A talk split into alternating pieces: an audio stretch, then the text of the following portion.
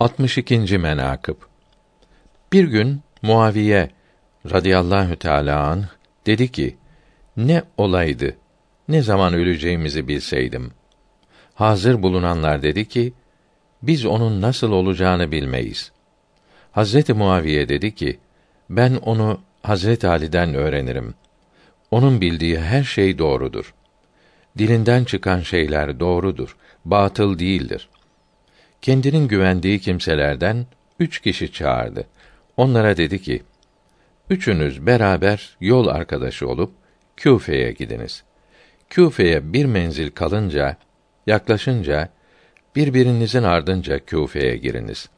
Her biriniz benim öldüğüm haberini veriniz. Lakin her biriniz hastalığımda, ölüm günümde ve saatinde ve mahallinde ve namazımı kılan kimse hakkında ve sair hususta birbirinize uygun söyleyiniz. O üç kişi Muaviye'nin radıyallahu teâlâ an dediği şekilde Küfe'ye gittiler. Bir menzil kaldı. Birisi Küfe'ye girdi. Sordular. Nereden gelirsin? Dedi Şam'dan gelirim. Dediler ne haber var? Dedi ki Muaviye vefat etti. Hazreti Emirül Müminin Ali radıyallahu an huzurlarına bu haberi ilettiler. Hazreti Emirül Müminin Ali radıyallahu an asla iltifat buyurmadılar. İkinci gün biri dahi geldi. Yine Muaviye'nin radıyallahu an vefatının haberini verdi. Yine Hazreti Ali radıyallahu teâlâ an cevap vermedi. Üçüncü gün biri dahi geldi. Evvelkilere muvafık haber verdi. Emirül Müminin Ali radıyallahu an hazretlerine ilettiler.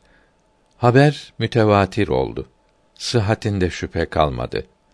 Muhakkak Muaviye radıyallahu an vefat etmiştir dediler. Hazreti Emirül Müminin Ali radıyallahu an mübarek başını ve yüzünü göstererek bundan akan kan ile bu bulaşmayınca Muaviye vefat eder mi buyurdu. O üç kimse bu haberi Muaviye'ye radıyallahu an ilettiler.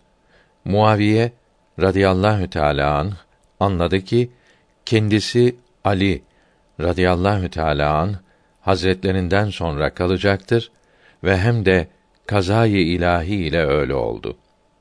Şevahidün nübüvveden alınmıştır.